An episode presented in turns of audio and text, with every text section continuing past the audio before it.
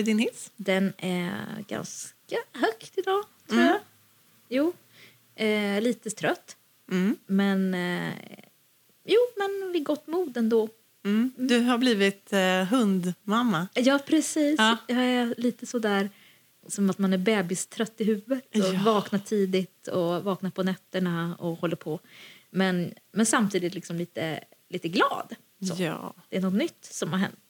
Lilla Tage har hänt. Jag lilla Tage Ja. som ligger bakom mig här Ja. i soffan och sover. Jag kan inte sluta titta på honom. Eller bara, han är bara så söt. Alltså helt fantastiskt söt. Man har ju sett jag men, lite bilder och filmklipp så här, som du har skickat eller lagt upp. Men det går ju inte att förbereda sig för hur det ska vara att träffa honom i verkligheten. Han är så otroligt charmig. Otroligt, otroligt söt. Ja, han är så gullig. Han är vår lilla bebis. Ja, vi får se hur han klarar poddinspelningen. Men han verkar sova gott nu i alla Ja, nu sover han. Ja. Nu sover han bra. Så nu. Eh, jo, men, men eh, det är väldigt, väldigt kul. Men det är faktiskt, han har bott hos oss i en vecka nu. Eh, och första dagarna så, det, det påminner väldigt mycket om när man kom hem med en bebis från BB. Liksom att det är så häftigt och sen så här, nu börjar ett nytt liv. Vad har vi gett oss in på? Vad är det här för individ? Hur ska vi fixa det här? Hur löser vi de här sakerna? Eh, du vet det här lite, den här oron Ja. liksom, att en ny epok börjar. Just det, det är ett Eh, han- åtagande. ett liksom, som man inte åtagande, bara backar ja. ur. Mm. Eh, och sådär. Så det gäller att lugna ner sig lite och ta en dag i taget. och sådär. Men det har gått jättebra. Mm.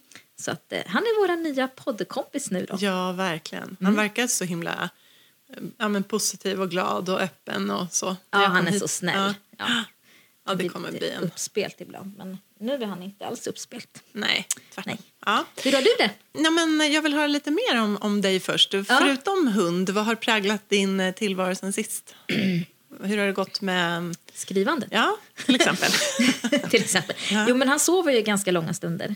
Eh, så att då har jag skrivit en del. Mm. Då får man ju liksom hugga datorn och, och skriva. Det. Men det passar mig ganska bra när jag håller på med det här självbiografiska. Att Mm. det inte är att sitta i fyra timmar i sträck utan att det kan bli 45 minuter här, eh, en halvtimme där Mm. och så. Det är ganska skönt. Eh, och också att, att det blir en koncentration i det att nu har jag chansen, nu, nu sätter jag mig. Eh, och då sitter jag också still eftersom att han sover intill mig då så kan jag Ja. inte hålla på springa och hämta kaffe och fixa och, och skjuta upp saker. Då sitter jag där och så, och så jobbar jag. Så att jag tror att, att det är väldigt bra faktiskt för mitt skrivande också. Det är en trygghet i den där närheten. Eh, Är det så att du liksom också kan... Ja, men stunderna däremellan då så kanske det processar i, Ja. i huvudet och sen så Ja. vet du Ja. kanske vad det är du ska skriva ner eller det är något minne som kommer upp eller någon speciell eh, situation eller så som du sen nästa gång du får tillfälle att skriva så är det det som Ja. kommer ut på pappret eller Och det, ja, precis. Eh, För man är ute mycket också. Eh, Springer ut och in och ut och in. Ja. Så det är mycket det där, men, men det är ganska så...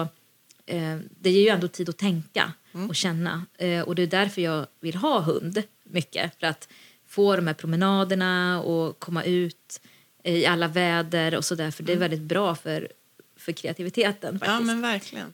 Så det har satt igång mycket. Eh, Så jag har mycket i, i huvudet nu som jag vill skriva ner. Eh, Så det känns bra. Och Faktiskt. sista januari skulle du lämna någonting Ja, till... någonting. Ja, någonting, ja, det kan vara vad som Ja, helst. det vara så. men men vi, vi jobbar som att eh, boken ska ut till bokmässan. Ja, okej. Ja. Ja. men bra, då får vi, då har vi liksom en preliminär utgivningsplan. Ja, eller? Mm. ja, så får vi se hur det går. Men det, är liksom är, det är ändå målsättningen. Mm. Spännande. Eh, och det tycker jag är skönt. Jag gillar Ja. att ha målsättning, annars blir det ingenting av. Nej. Ehm, och så. så vi får se. Men, men just den här kvarten känns det, känns det helt okej. Mm. Har det liksom de här grejerna som du pratade om i en tidigare podd, att det var ja, svårigheterna eller utmaningen med att skriva självbiografiskt jämfört med tidigare, att du hade en massa avvägningar och överväganden som du måste göra om hur mycket som ska med och vad du kan fylla i och inte och, Ja, och så. Hur, jo, har men, du kommit längre i de funderingarna eller Ja. har det löst sig? för då var jag ju mer inne på att jag blev chockad över att det var så. Att jag, att jag var tvungen att bygga så mycket och, och var så liksom strukturerad och, och ta bort saker och lägga till saker och kanske slå ihop saker. Man måste ju ändra på vissa grejer tror jag för att det ska bli någon, någonting. Ja. Man kan inte skriva exakt så som det och, och då var jag lite chockad över, att, över utmaningen. Men nu har jag accepterat Ja. att utmaningen finns och då hittar man också lösningar och det är ganska tillfredsställande att hålla på och klura på det där. Eh, I natt var jag ute med, med Tage klockan tre och sen hade jag lite svårt att som- somna om men då låg jag och funderade på olika grejer och det kändes väldigt lustfyllt då. Så att man jobbar ju jämt. Ja. Eh, men det var... Ja, Mm. ja det, det känns så helt okej faktiskt. Mm. Härligt. Mm. Du då? Hur, du har lämnat nu för länge sedan. Ja, det har jag gjort. Ju. Ja, oh ja. Det är väl... Vad ja, det hade jag gjort då? redan förra gången, tror jag. Ehm, ja. Det har kommit inbjudan till releasefest. Ja, vad bra. Du har, ja, Du har ju aldrig haft releasefest. Ju, Nej, jag har inte haft någon releasefest. Jag har ju haft ett release-mingel eh, Mm. på Crime Time tillsammans med Ellie Griffiths. När hon var Just det, goals Ehm, på den. Ja, verkligen. Ja, det var, det var fantastiskt. Men då var det ju en del av, av Crime Time-programmet. så att säga. Så det, var inte, det här är första gången som man kommer ha en, en mer klassisk, traditionell Mm. releasefest. Ehm, så det är liksom planering som pågår för det. Och sen så eh, har jag gjort min första intervju. Har du? Veckan. Ja. För vilken... Eh, det var för lokaltidningen. Ja. En av lokaltidningarna i Täby. Ja. Eh, och det är också lite speciellt. Ja. Första gången och sådär, få se vilka frågor är det som kommer och, och hur svarar man på dem. ja, vad var det för frågor då? Eller nej, vad var men- vinkeln liksom? Vad... Ja, men jag tycker det är intressant för att eh, ja, hon frågade ju då om hand, den första frågan var ju vad handlar boken om? Nej. Ja, så f- det är ju svårt. Ja. Det är, en, det är alltid så då? sjukt svårt att beskriva. ja, men jag, det, ja, vad det handlar om? Det handlar om en samtalsterapeut. Det här handlar serien om en samtalsterapeut som heter Simone Boman eh, som eh, lever ett från början väldigt traditionellt familjeliv men som hon allt mer känner att hon liksom nog inte vill vara med om längre. Hon börjar ifrågasätta en massa saker, både vad gäller sin roll som mamma men också liksom äktenskapet och det här med livslång tvåsamhet och såna här saker. Eh, Så från att ha levt det här ganska traditionella så, så blir det mer och mer okonventionellt vad gäller hennes eget liv. Och sen dessutom så kommer hon ju i kontakt med då i sitt jobb andra människor och deras olika mörka dramer och, och hemligheter. Så det blir ju så att det blir som ett, kan man säga nästan som i en deckarserie. Att vad gäller Simones liv så får man ju följa det och hur det utvecklas under seriens gång. Men det finns också ett eh, ett drama som, som rör andra människor som liksom får sin, sitt slut i varje bok. så att säga. Ehm, så i den här första boken så är det en man som heter Thomas eh, som är... ehm, jag, under metoo så, så kände jag att jag ville skriva om... Jag tyckte det blev så mycket kring det här med manlighet att det blev något... eh, Liksom, nästan, det fanns en, en destruktivitet kring det här med man, alltså manlighet är något mörkt, något destruktivt. Det finns liksom det fanns så mycket negativt där. Och då tänkte jag jag vill skriva om en man som verkligen vill, vill och försöker att vara en god människa. Liksom. Det är viktigt för honom att vara en god man. Och han har familj och en liten dotter och han vill vara en jättebra pappa och anstränger sig för det. Han vill vara en bra chef och sådär. Men sen så händer det ju någonting. Det kommer in eh, en person i hans liv som liksom vänder saker upp och ner kan man säga. Och då eh, är det inte längre så lätt att vara god. Ja. Så det är liksom första boken då, Kom i min famn. Ehm, var var vi? Du var, blev intervjuad av... Ja, men precis. Och då fick jag berätta då det här vad boken handlar om. Och sen så eh, styrde hon liksom in på... Jag, jag tänker att... Ja, men då vill hon veta liksom, hur är det här? Är, är det, har du funderat så här vad gäller ditt äktenskap och, och så? Ja. Eh, och jag hade väl lite grann nog förutsett att den typen av frågor skulle Ja. komma. Eh, I och med att jag då skriver om en kvinna som plötsligt börjar ifrågasätta då den typen av tillvaro som jag ju lever i. Ja. Ehm, och samtidigt tycker jag det är lite intressant. För varför? Jag menar, jag har skrivit eh, fyra böcker tidigare som handlar om människor som har, har dödat eller vill döda någon annan. Och det är väl ingen som har frågat. Jag har aldrig fått frågan. Vill du döda du, någon? du som tidigare är ostraffad. Vad funderar du om, på egentligen? Ja. Vill du Ja. döda, Döda någon? någon. Ja. Nej, så på något vis är det som att det är någonting i det här att skriva om äktenskap eller relationer på det sättet som, som tror jag triggar Ja. eh, att man får en känsla av att det måste vara henne själv, hon, sig själv hon skriver om. Så. Just det. Vad, hur tacklar du de frågorna? Eh, jag svarade ungefär så som jag gjorde till dig nu. Ja, tror jag. Jag ja. liksom problematiserat. Jag tycker att man... ehm, jag menar, ja, jag tycker att det är väldigt intressant. Eh, jag är otroligt liksom, intresserad av det här med olika hur vi lever tillsammans, och det här med tvåsamhet. Att det har liksom, just här och just nu, i den här, på den här, i den här tiden och, och liksom, i västvärlden så har vi liksom fastnat för den här tvåsamhetsnormen. Eh, och jag är ganska, jag ska inte säga att jag ifrågasätter den, men jag tycker att det, det finns mycket att reflektera runt. Att den inte är så himla självklar eller att vi, vi tror att den är, vi tar den som så för given, att det ska vara det bästa. Så jag, jag har mycket tankar och reflektioner kring det som, eh, som fenomen. Men det är någonting annat än, liksom, för mig är det någonting skilt från mitt eget äktenskap. Det är precis som att jag kan prata om att, eh, hur det är att ha barn. Att eh, liksom, det finns eh, saker som är jättejobbiga med att vara förälder. Det betyder inte att jag vill lämna bort mina barn. Nej. Lite sådär. Hur som helst, många utvikningar här. Men jag har gjort den där intervjun. Och så är det releaseplaneringen och så ska vi spela in någon sån här liten, eh, litet filmklipp nu i Ja. veckan som ska också liksom komma på sociala medier och. Så att det pågår ju mycket i kring den här lanseringen. Så jag känner att det här att ja, jag känner att jag är ganska uppe i varv. Eh, och så kombinerat naturligtvis med att det är liksom snart är jul och ja, man ska fixa allt som hör därtill. Så jag har en bit kvar till julefrid. Men, eh, Lite. ja, men det känns kul. Du tycker att det känns kul Ja, det tycker jag. Mm. Det tycker jag. Och ehm, sen har jag faktiskt även ehm, under skrivandet av den här första boken, då, Kom i min famn, ehm, som, ska jag bara säga nu, nu gör jag lite reklam. Mm, det tycker jag verkligen du ska. Den släpps ju, officiellt är liksom släppdatum 9 januari. Ja. Sen kan det hända att den eh, smygsläpps eventuellt lite tidigare.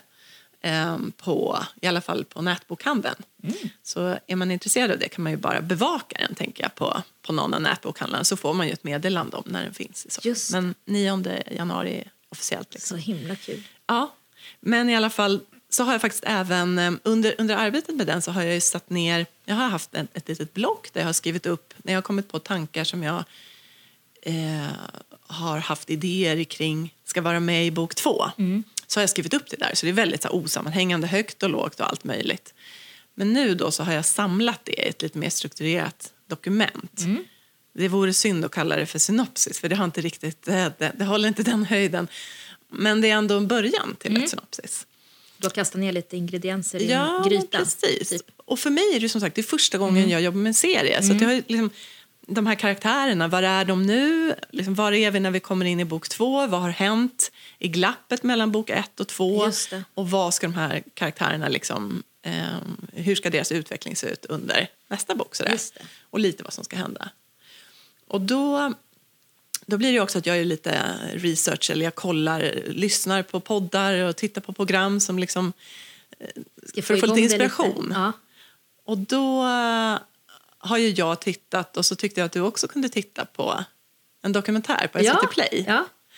Eh, Ska vi snacka lite om den? ja, det tycker jag. Ja. Ja. Eh, Den heter Jag och mina kärlekspartners. Louis Theroux, tror jag att man uttalar kanske hans namn som har gjort den här. Louis Theroux, Jag och mina kärlekspartners. Och den finns på SVT Play. Och den handlar ju då om polyamorositet. Eh, Säger jag rätt nu? det. Polyamoros... Eller polyamoris... Polyamori. Polyamori, det låter Vi säger jättebra. så, Ja. ja. det vill säga att man ehm, har flera kärleksförhållanden Ja. samtidigt Ja. egentligen. Vad, eh, jag är så himla intresserad av att höra. Vad, eh, berätta lite om dina reflektioner kring den här dokumentären.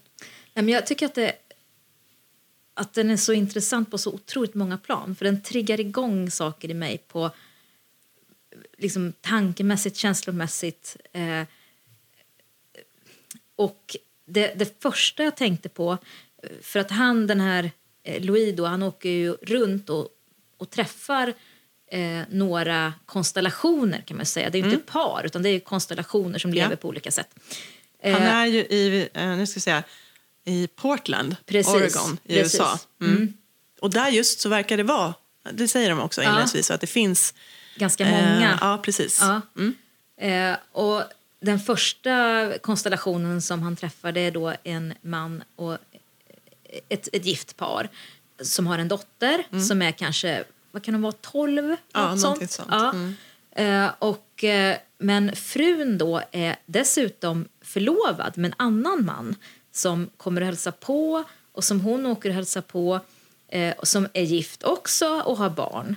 Eh, så programledaren träffar ju den andra familjen också. Och det slog mig så starkt att mannen, eh, hennes riktiga man då, som hon har varit gift med i 12 år, han såg så ledsen ut. Han, åh, åh, han såg tårögd ut och han skulle liksom försöka säga att jag är så glad för, för min frus skull och, och det här är bra för oss och sådär. Och det bara knöt sig. Det bara knöt sig i magen. Eh, och hon... Och, och sen så återkommer programledaren till dem på slutet också för han får också den där känslan som jag fick att, att något inte stämmer. Han, han liksom, man kommer inte åt den här äkta mannen i vad han egentligen känner. Och det gör man ju inte någon gång egentligen utan han stänger ju det inne och jag tror inte att han mår ett dugg bra i det här. Så det är det jag tänker på, å ena sidan att, att eh, det låter så fint på pappret. Att man ska älska alla och, och det är ingen konkurrens och sådär. Men så lätt tror inte jag att det är. Nej. Utan det är någon som vinner mer och någon som förlorar mer på det här. Och så träffar han ju något par som skulle ha barn eh, precis, där bägge hade varsin annan.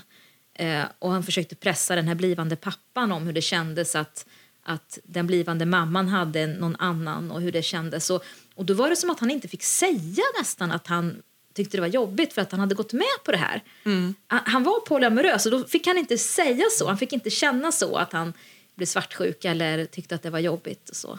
Och det, det tycker jag också är lite läskigt. Det blir liksom som en sekt nästan. Eller vad, vad, vad känner du? Vad, vad har du för tankar? Ja, men jag tror det är väl den mest uppenbara. Jag tror alla som tittar på den här dokumentären kommer känna det här. Jag tror det, är också, det finns en anledning till att man känner det. Mm. Att, att den här mannen i den första eh, konstellationen som du beskrev, Ja. Att han inte alls vill det här. Utan Han mår han, så han, dåligt. han gör det som ett sätt kanske för att Behålla henne. behålla sin fru. Ja. Nej, men jag slogs, så, så det är ju, och, och jag tror det är ganska uppenbart. Så, Mm. så känner man som tittare när man ser det här. Jag slogs också av att eh, eh, en sak som var ganska intressant var ju att i egentligen samtliga konstellationer som han träffade så hade liksom kvinnan eh, en ganska central roll. Ja. Det var kvinnorna som valde det här eller hade valt det. Och så. Visst, visst. Ja, var det så? ja. Det var, ehm, och det tycker jag var ganska intressant i ja, sig. Ja. Det var de som hade kommit på att de ville. Precis. Och det var Sen- på något vis de som vann på det.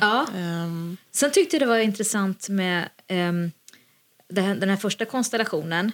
Eh, de här, det var alltså två familjer där den ena man, mannen i den ena familjen, frun i den andra familjen. Ja. De sågs då och då. Precis. Sov över då Ja. i, hemma hos. ja, den andra. Respektive familj, Ja, ja. precis. Och den andra frun då, som inte var med, tyckte jag var ganska spännande. Mm, verkligen. Eh, Hon att- vill man ha en egen dokumentär om. känner. Ja, för att hon sa något intressant, eh, tyckte jag. Att hon ville inte vara den som skulle göra sin man lycklig. Hon ville inte ha vill inte ha hans pressen. lycka på Mm. sina axlar, som hon sa. Och det tyckte jag var jättespännande. Mm. Eh, att eh, var och en måste ansvara för sin egen lycka. Mm, Eh, och de, han hade andra behov än henne och hon var trött på sex. Typ. Ja, lite så. Mer Hon eller hade haft en ganska vild, eh, vild ungdom, eller Ja. ungdomstid. Och hon var liksom mätt, Ja, de hade kände olika man. behov nu och då, Ja. då fick han utlopp för det med den här andra Ja. kvinnan. Så det tyckte hon inte Och när den andra kvinnan alls. hade sovit över en Ja. helg så var han så nöjd och glad och, och tacka henne då för att han fick uppleva det här och hon Precis. var lättad att slippa. Typ. Ja, ungefär så var det ju. Så det tyckte jag var väldigt, väldigt intressant. Också. Ja. Jag tänker också på det här För med... hon verkar genuin i det. Där såg jag, Oh, ja. i, där, där såg jag inte den där ehm, smärtan som Nej. Mm. jag såg hos, hos den övergivna eller överblivna mannen. Nej. Jag tycker också hon ställde en intressant fråga. Vid något, för han, den här dokumentärfilmen frågade ju henne vill du, känns det inte som att du inte är nog för honom? Gör Ja. det inte ont att inte vara Ja. Mm. nog för honom? Och då tyckte jag att hon svarade, jag kommer inte ihåg exakt hur orden föll, men liksom då, det var väl det hon pratade om då. Att, eh, hur, ska en person nog. kunna vara nog Ja. för någon annan? Där tycker jag hon sätter liksom, fingret på någonting som är otroligt viktigt. Att vi eh, idag, Mm. om jag får åter liksom rikta blicken mot det här med äktenskap och tvåsamhet och Mm. så, som vi har sånt fokus på. Att eh, vi tror att vi ska kunna vara nog för någon annan. Ja. Och det blir en enorm press. Man ska vara, liksom, man ska vara allting. Man ska vara kärlekspartners, man ska vara eh, bästa vänner, man ska vara rumskompis, som man säger. Man ska Ja. bo ihop, man Ja. ska vara co-parent, liksom, ha, ha barn ihop. Man ska vara, man ska vara semesterkompisar. Man ska gilla, ja men precis, man måste ha samma hobbysar Ja. och vilja resa till samma ställen och sånt. samma känslomässiga behov, samma sexuella behov, samma intellektuella behov. Alltså det, det är väldigt mycket att förvänta sig av en och samma person. Så det För det jag, tänkte jag också på. Att det finns ju ingen som kan uppfylla allt. nej, det gör ju inte det. Så där finns det ju, där finns det en begränsning i det monogama systemet. Mm. Och, och det tänkte jag väldigt mycket på att den här eh, eh, dokumentärfilmen går ju in med de ögon som eh, ja, de flesta av oss har. Ja. Nämligen att nu ska vi undersöka det här spännande och lite udda fenomenet Ja. med polyamori. Ja. Men tänk om någon hade kommit och liksom gjort en dokumentär om det här monogama systemet som verkar ju helt puckat. Det är liksom, människor har fått för sig att de ska kunna leva med en och samma person Ett som ska liv. fylla alla deras behov hela livet. Fast vi bara blir äldre och äldre. Ja. Och liksom, uppenbarligen så funkar det inte. Nej. De flesta, eller liksom i alla fall De flesta hälften, av oss skiljer sig vid något tillfälle. och, eller är otrogna. Ja. Jag menar, det, det, det systemet har så många uppenbara brister. Och ändå så kommer man min, in då och gör en sån här dokumentär med någon form av liksom lite sådär överseende, Mm, inte överlägsen blick kanske, men, men någon exotiserande Ja, sådär. ja. Ja. men herregud, rikta blicken mot liksom Oss. ja, oss Ja. som lever så här som Ja. vi gör. Det, det, det är ju verkligen ett system som också har sina Absolut. sprickor och brister. Men jag har ju betydligt lättare att eh, förstå liksom att eh, om man i ett äktenskap åker på skilda semestrar eller att någon åker med någon kompis och den andra åker på någon, eh, liksom, ja, något annat. Att man kommer fram till det eller att man kommer fram till att man sover i skilda sovrum för att den ena vill ligga och läsa till fyra på morgonen och den andra inte och sådär.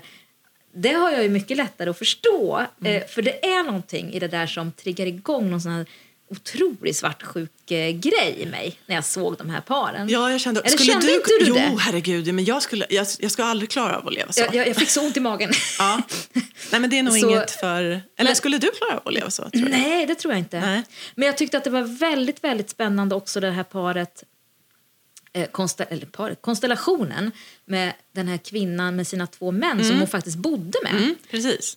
Och De att- hade liksom bestämda sängplatser Ja. och det var väldigt... Eh, Ja, En och- var borta på morgonen och en var borta på kvällen och då kunde de här andra två passa på ja, att passa umgås. på umgås lite intimare Ja. då. Ja. Vuxenkramas. Ja, men precis. Men, men att sen när man lärde känna dem lite, när man fick träffa dem omgång två i programmet, eller tre, då eh, kom det fram, och det tyckte jag var på något sätt ganska fint, att det var ju kvinnan då som ville, eh, och hon hade haft väldiga problem med depressioner och med ångest, och det hade hennes pojkvän då också haft. De hade stöttat varandra jättemycket i sin psykiska ohälsa på något sätt. Och sen så träffade hon den här Bob, tror jag han hette, eh, som hon fick känslor för också, som hon då bjöd in i den här konstellationen. Ja. Eh, och att det, det var som att hon hade liksom två, två stöttepelare runt sig i sitt liv. Liksom. Den, en räckte inte Nej, för henne. precis. Och det tyckte jag var ganska fint faktiskt. I deras ögon såg jag ingen sorg på samma sätt som jag gjorde Nej. i, i några av de andra konstellationerna. Så det tänkte jag också att, att är det någon som mår väldigt dåligt och, och har väldigt mycket behov av stöd liksom, på olika sätt. Mm. Och de hade ju olika sorters... För hennes första pojkvän som hon var tillsammans med först, han hade ju också behov av, för det sa hon att, att eh, han har mer behov av, av emotionell bekräftelse och, och samtal och sådär.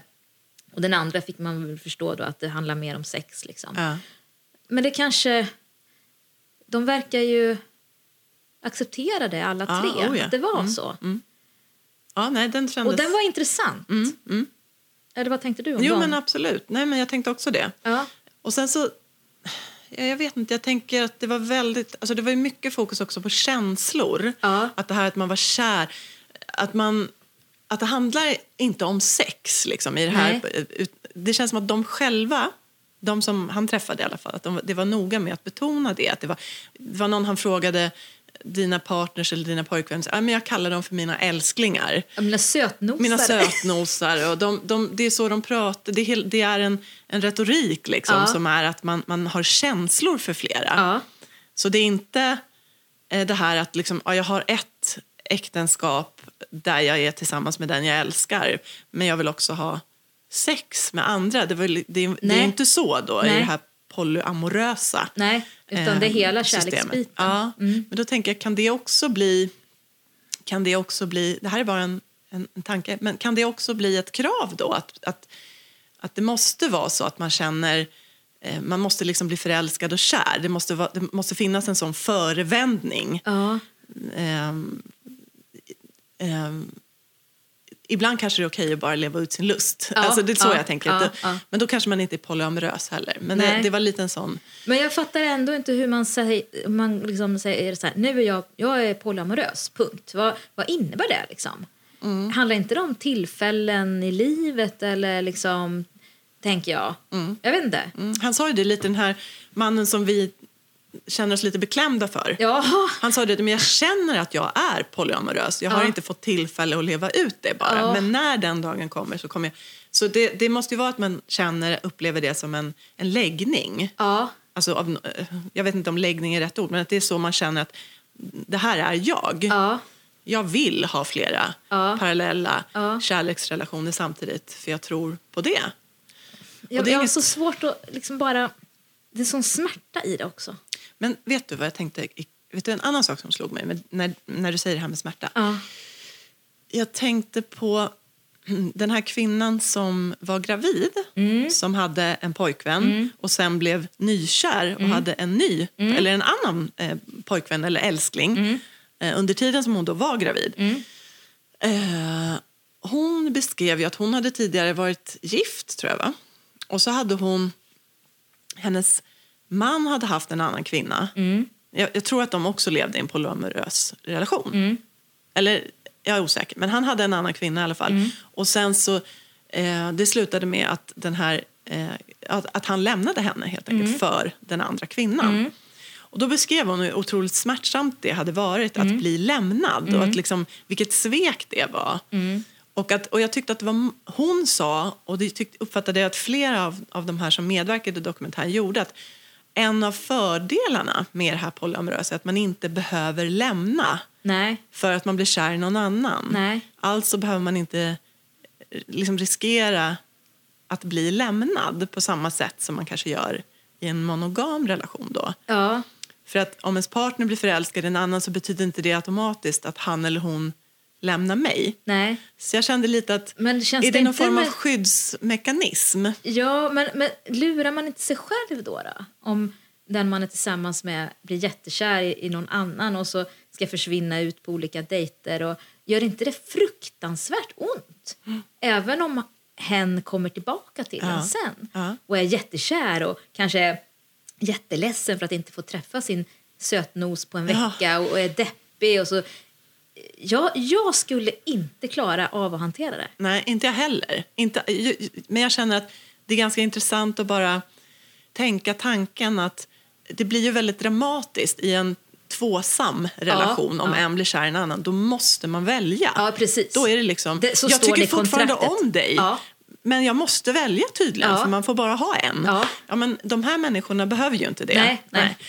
Eh, och, sen, och sen å andra sidan så kan Mm. jag känna att, det, och det var lite det jag var ute efter, och nu kanske jag är på farliga vatten, men jag tänker att det kanske också är, kan vara, i alla fall för vissa, någon typ av skyddsmekanism. Att då, det blir ett sätt att ehm, eller man upplever sig skyddad. Man kommer inte att behöva bli lämnad. Så Mm. länge jag är polyamorös eller liksom, då, då kommer jag inte behöva bli lämnad. För att, och då kan jag skydda mig från det. Ja. Jag tänker att han sa det någonstans också, den här dokumentärfilmaren själv. Jag tyckte han sa det väldigt bra att alla relationer är ju ett sätt liksom för oss att försöka ordna tillvaron. Mm, Och vi, vi hittar på olika sätt för att försöka undvika smärta. Och det går inte. Nej. Det går inte. Nej. Vilket sätt vi än väljer Nej, men det är sant. så finns det... det Man är inte garanterad finnas, något Det finns inga någonstans. garantier. Nej. Utan smärtan kommer att finnas där. Liksom. Men det är väl det som är att vara människa. Precis. Man försöker skydda sig. Och så gör man det på olika sätt. Nej, men den var otroligt intressant tyckte jag. Just att den sätter igång så mycket i en på samma gång. Mm.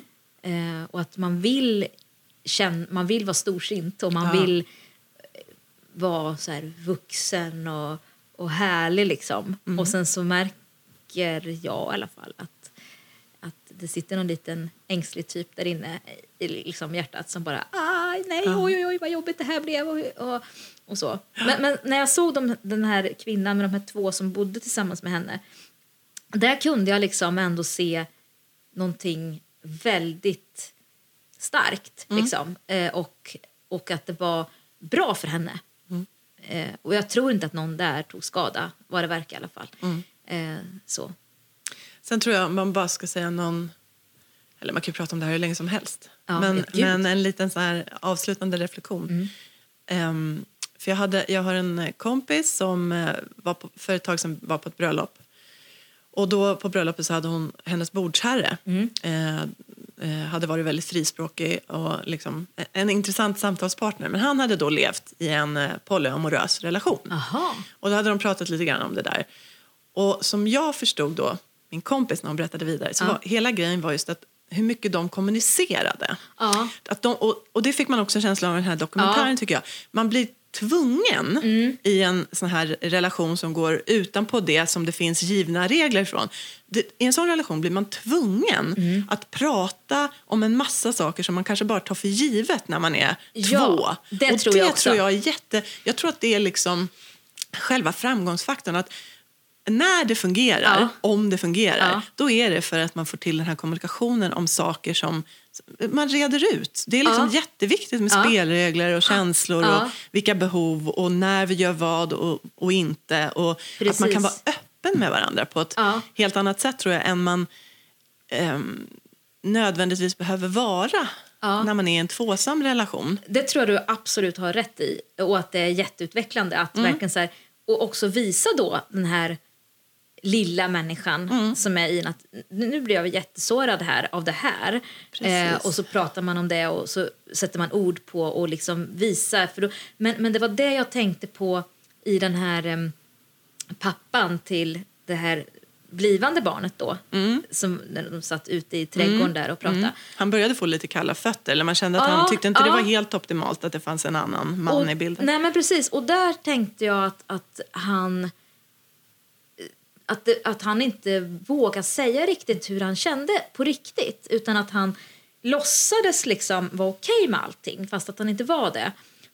Och det tror jag är faran om jag ska se någonting som verkligen är farligt då i de där relationerna eh, när de blir så här komplicerade om man inte pratar utan om man säger så här, nu har jag gått med på det här att, att min eh, tjej ska få ha olika partners och, och jag, har, jag är aldrig svartsjuk och jag är lugn och fin och, och harmonisk och alltid Mm. oavsett.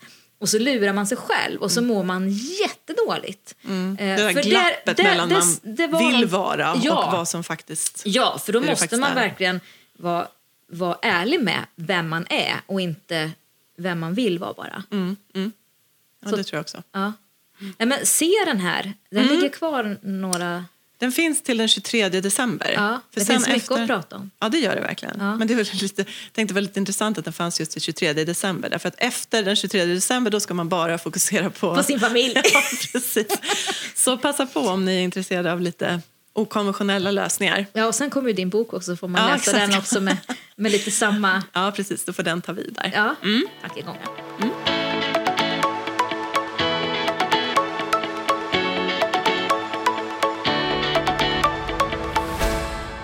Jo, men det här med hissen, eh, den har gått jättemycket upp och ner för mig. Eh, just nu är det ju bra, men förra veckan då, då gick den väldigt eh, hit och dit, kan jag säga. Ja. Vad var det då, då som Nej, hände? men det är ju Lucia. Ja. Ja. Det, är du- det är något som triggar mig med Lucia. Eh, det är...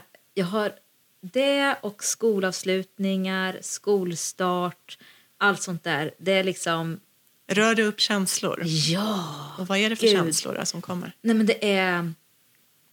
Jag blir så sentimental. Mm. nostalgisk. Ehm, och nu i år då så var det sista gången eh, min son, ehm, han går i nian, så det är sista gången som han skulle vara med på Lucia-firande i grundskolan då. Ja. Och Gick han i Lucia-tåg? eller? Ja, han var också stortomten. Åh. De har ett väldigt traditionellt Ja. så, så att han, eh, de har en stor tomte som bär en liten tomte i en säck Aha. in och sen kommer den lilla tomten upp och ut och springer iväg med sina... Den lilla tomten, Den är det lilla också tomten. ett- ett- det är ett barn, barn som- ett, som går i typ lågstadiet. Ja, ja, okej. Ja, mm. ja. Eh, Så han var stortomten och han Mm. sjöng eh, solo och lite sådär. Eh, Men det är väldigt vacker lokal, en sån här ljushall liksom med en liten svängtrappa. Och det känns som att de har haft samma sorts Lucia-tåg sen skolan byggdes någon gång liksom på 50-talet eller något sånt där. Eh, Men det är någonting med de där sångerna som bara liksom, det är som att trycka på en knapp på mig. Så jag, jag grät mig igenom det här firandet. Så det var väldigt skönt också för det var mörkt och så var jag ensam där för att eh, jag hade hundvakt då, min exman passa valpen för jag sa att jag måste, jag måste gå Måste dit. kunna Jag fokusera på mina känslor. Jag måste Ja. fokusera på mina känslor.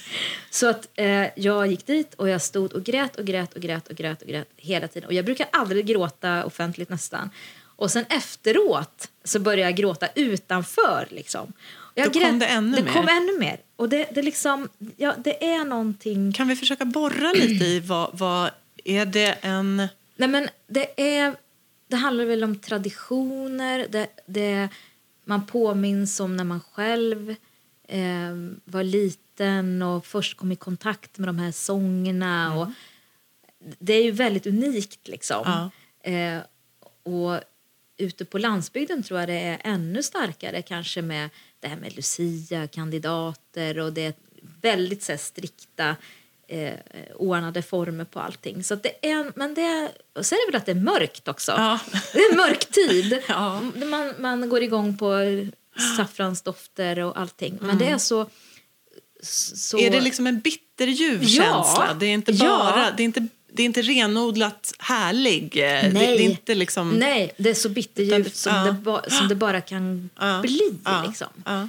Man, ser, man ser som typ hela ens historia tillbaka i det här Lucia-tåget. Och, Mm, och att nu har ett år till gått och nu, nu är det slut liksom, på det här. Och nu och så speciellt i år då, liksom, att nu, Ja. nu var det sista gången liksom här. Och så. Eh, så att det, ja, det är någonting. Och sen så kommer jag ihåg också när första Lucia-firandet som förälder som Ja. jag var med på Ja. Var ju heller inte så lyckat. Vad för då var eh, Signe, då, min dotter, hon var två år och så Sven var tre månader. Och jag, när jag hämtade på förskolan så hade jag alltid så bråttom för att jag var så rädd att det skulle bli skrik och panik där i kapprummet och man skulle hem och amma och det var liksom svetten Ja, rann. Det var fruktansvärt. Ja. Så jag hade ju missat att läsa på de här lapparna som fanns. Eh, Så att när det var det här Lucia-firandet då fattade inte ens jag att, att mitt barn skulle delta i det här. Och då hade någon fröken hittat någon sån här tomteluva Ja. och sådär. Och jag känner mig så fruktansvärt dålig. Det är typiskt sånt där exempel på... Ja, dålig, Dålig mamma. mamma, Ja. Och jag var ju så trött liksom, ja. i den här spädbarnsbubblan. Liksom, så. Så det enda jag minns av den där tiden var att jag gick fram och tillbaka med en barnvagn till, Ja. till dagis och försökte liksom på något vis eh, få i alla mat och, och så. Och det här var... Och, och jag vet att ingen, ingen i personalen liksom påminde och sa någonting muntligt till mig om det här. Utan det, Nej, du är ju mamma. Du ska kunna all, sånt här. Ja, jag måste kunna läsa alla lappar i ett kapprum Ja, också ja. samtidigt som Ja. ens barn ligger i en vagn utanför och sover och man ska klä på. Så jag, jag var så ledsen och då grät jag hela vägen hem från, från eh, dagis och hem och kände mig som värsta, värsta mamman. Det, var, det gjorde så ont. Jag kan tänka på det fortfarande. Och Mm. Jag tänkte säga, är det det som kommer upp Ja, också, också. När, du, när Ja, du står där ja, nu? Mm.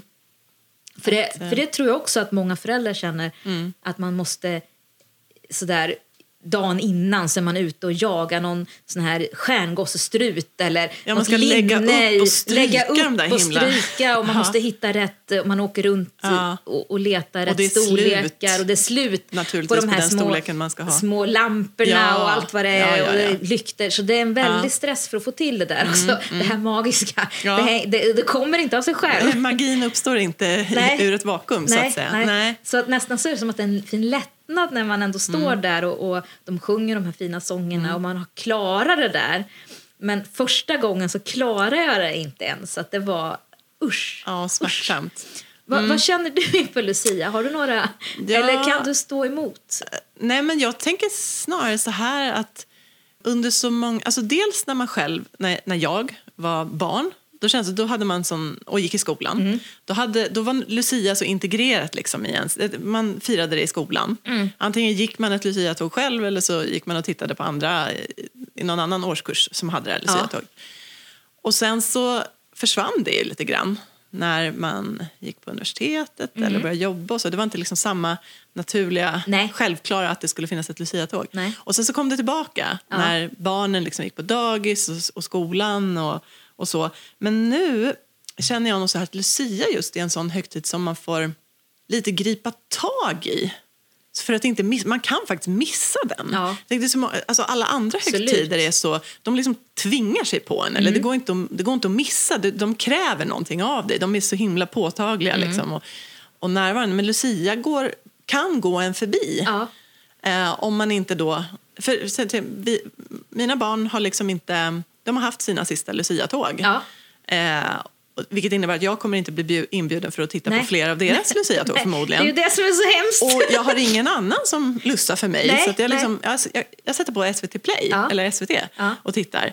Eh, men jag, tänk, jag tänkte på just det att det kan jag ju glömma bort. Eller om jag inte Mm. gör det, då passerar den dagen som vilken annan dag som helst. Så jag tänkte, det är lite lustigt, så tänker jag om den traditionen. Jag tycker Ja. det är en jättefin tradition. Men den är också lite skum så, om man jämför med andra högtider. Att Ja. den, den kan man missa om man inte liksom aktivt söker aktivt upp, söker upp den. Ja. Men det, jag tror att det var det också som gjorde att, att jag blev så otroligt gripen då på Lucia nu. Ja. Att eh, det krävs av en att man så här, när börjar det i skolan?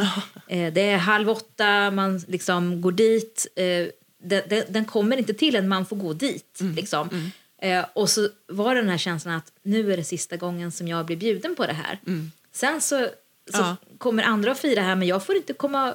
Jag, var ska jag gå liksom? Nej, och det är inte samma sak att se ett annat Lucia-tåg heller. För att det är någonting visst med att se ens barn vara med och det triggar något. Absolut. Eh, Ja. Så, ja. Ja.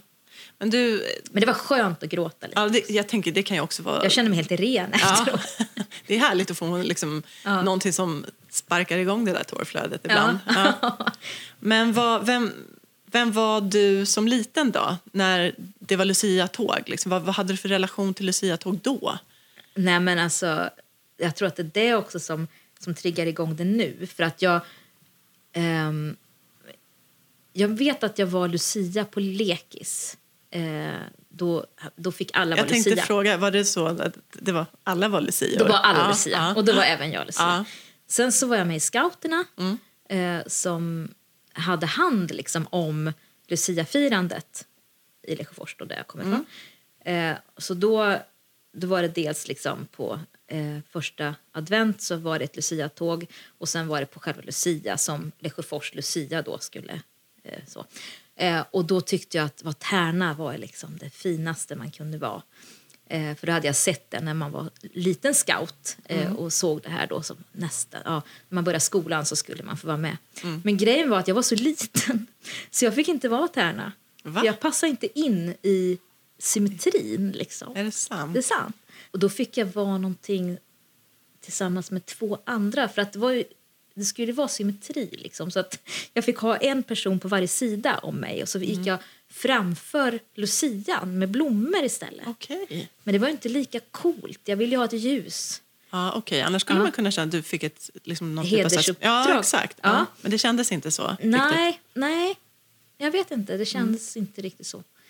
Så sen, det var jag några år. Eh, och sen så var jag tomte istället. Ja. Ja. Men, men det var väl någonting där också kanske att när jag var liten där att man såg det här Lucia-tåget och det var så speciellt. Liksom, det här mörkret och så den här musiken Ja. och ljusen. Och det, det var överväldigande Ja, på något sätt. ja. Då, eh, tror jag. Ja. Och inte så bortskämt med, med Nej, men det är såna något speciellt. upplevelser. Ja. ja, jag tycker också det. Själv kände jag lite sådär, tror att jag... ehm, ja, men, I alla fall när vi växte upp, eller när jag växte upp, så var det som att, jag vet inte hur det är nu för tiden, men det kändes som att en lucia skulle ha vissa attribut. Och det var inte nödvändigtvis kopplat till att man kunde sjunga eller... Men du har väl Lucia-attribut? ja, men, ja, men det är det här jag ska komma till. Blont hår och... Exakt. Ja. Ja, jag hade liksom blont hår, jag har ju blont hår. Ja. Och jag hade långt hår. Ja. Eh, och så. Och det var väl ungefär de attributen. Det var Ja. bara det att det var... Eh, sen skulle man vara snygg också. ja, men det är du väl också? och populär. Ja, men jag tror att jag, jag fick den här... Vad föll du på? Jag är inte snygg, jag är inte populär. Jag har, ju det här håret Ja, och så, ja, men det är liksom inte tillräckligt. Det räckte inte. Så jag kände nog en lite sådär... Du kände... Lite skam. Ja. Kommer den igen? Skammen. Ja, skammen kommer. Nej, men det, det kanske det är också att det där lucideriet... Alltså det var ju någon himla skönhetstävling Ja, ja, ja. egentligen. Ja, absolut. Eller hur? Absolut. Och det, kunde ju, det, det var liksom ytterligare ett tillfälle där man kunde få komma till korta. Ja, på alla vis. Ja, ja precis. Nej, så att... Eh, heja tomtarna. Eller de här små blomsterflickorna då, som du var. Ja, Det, precis. det tycker jag låter härligt. Ja.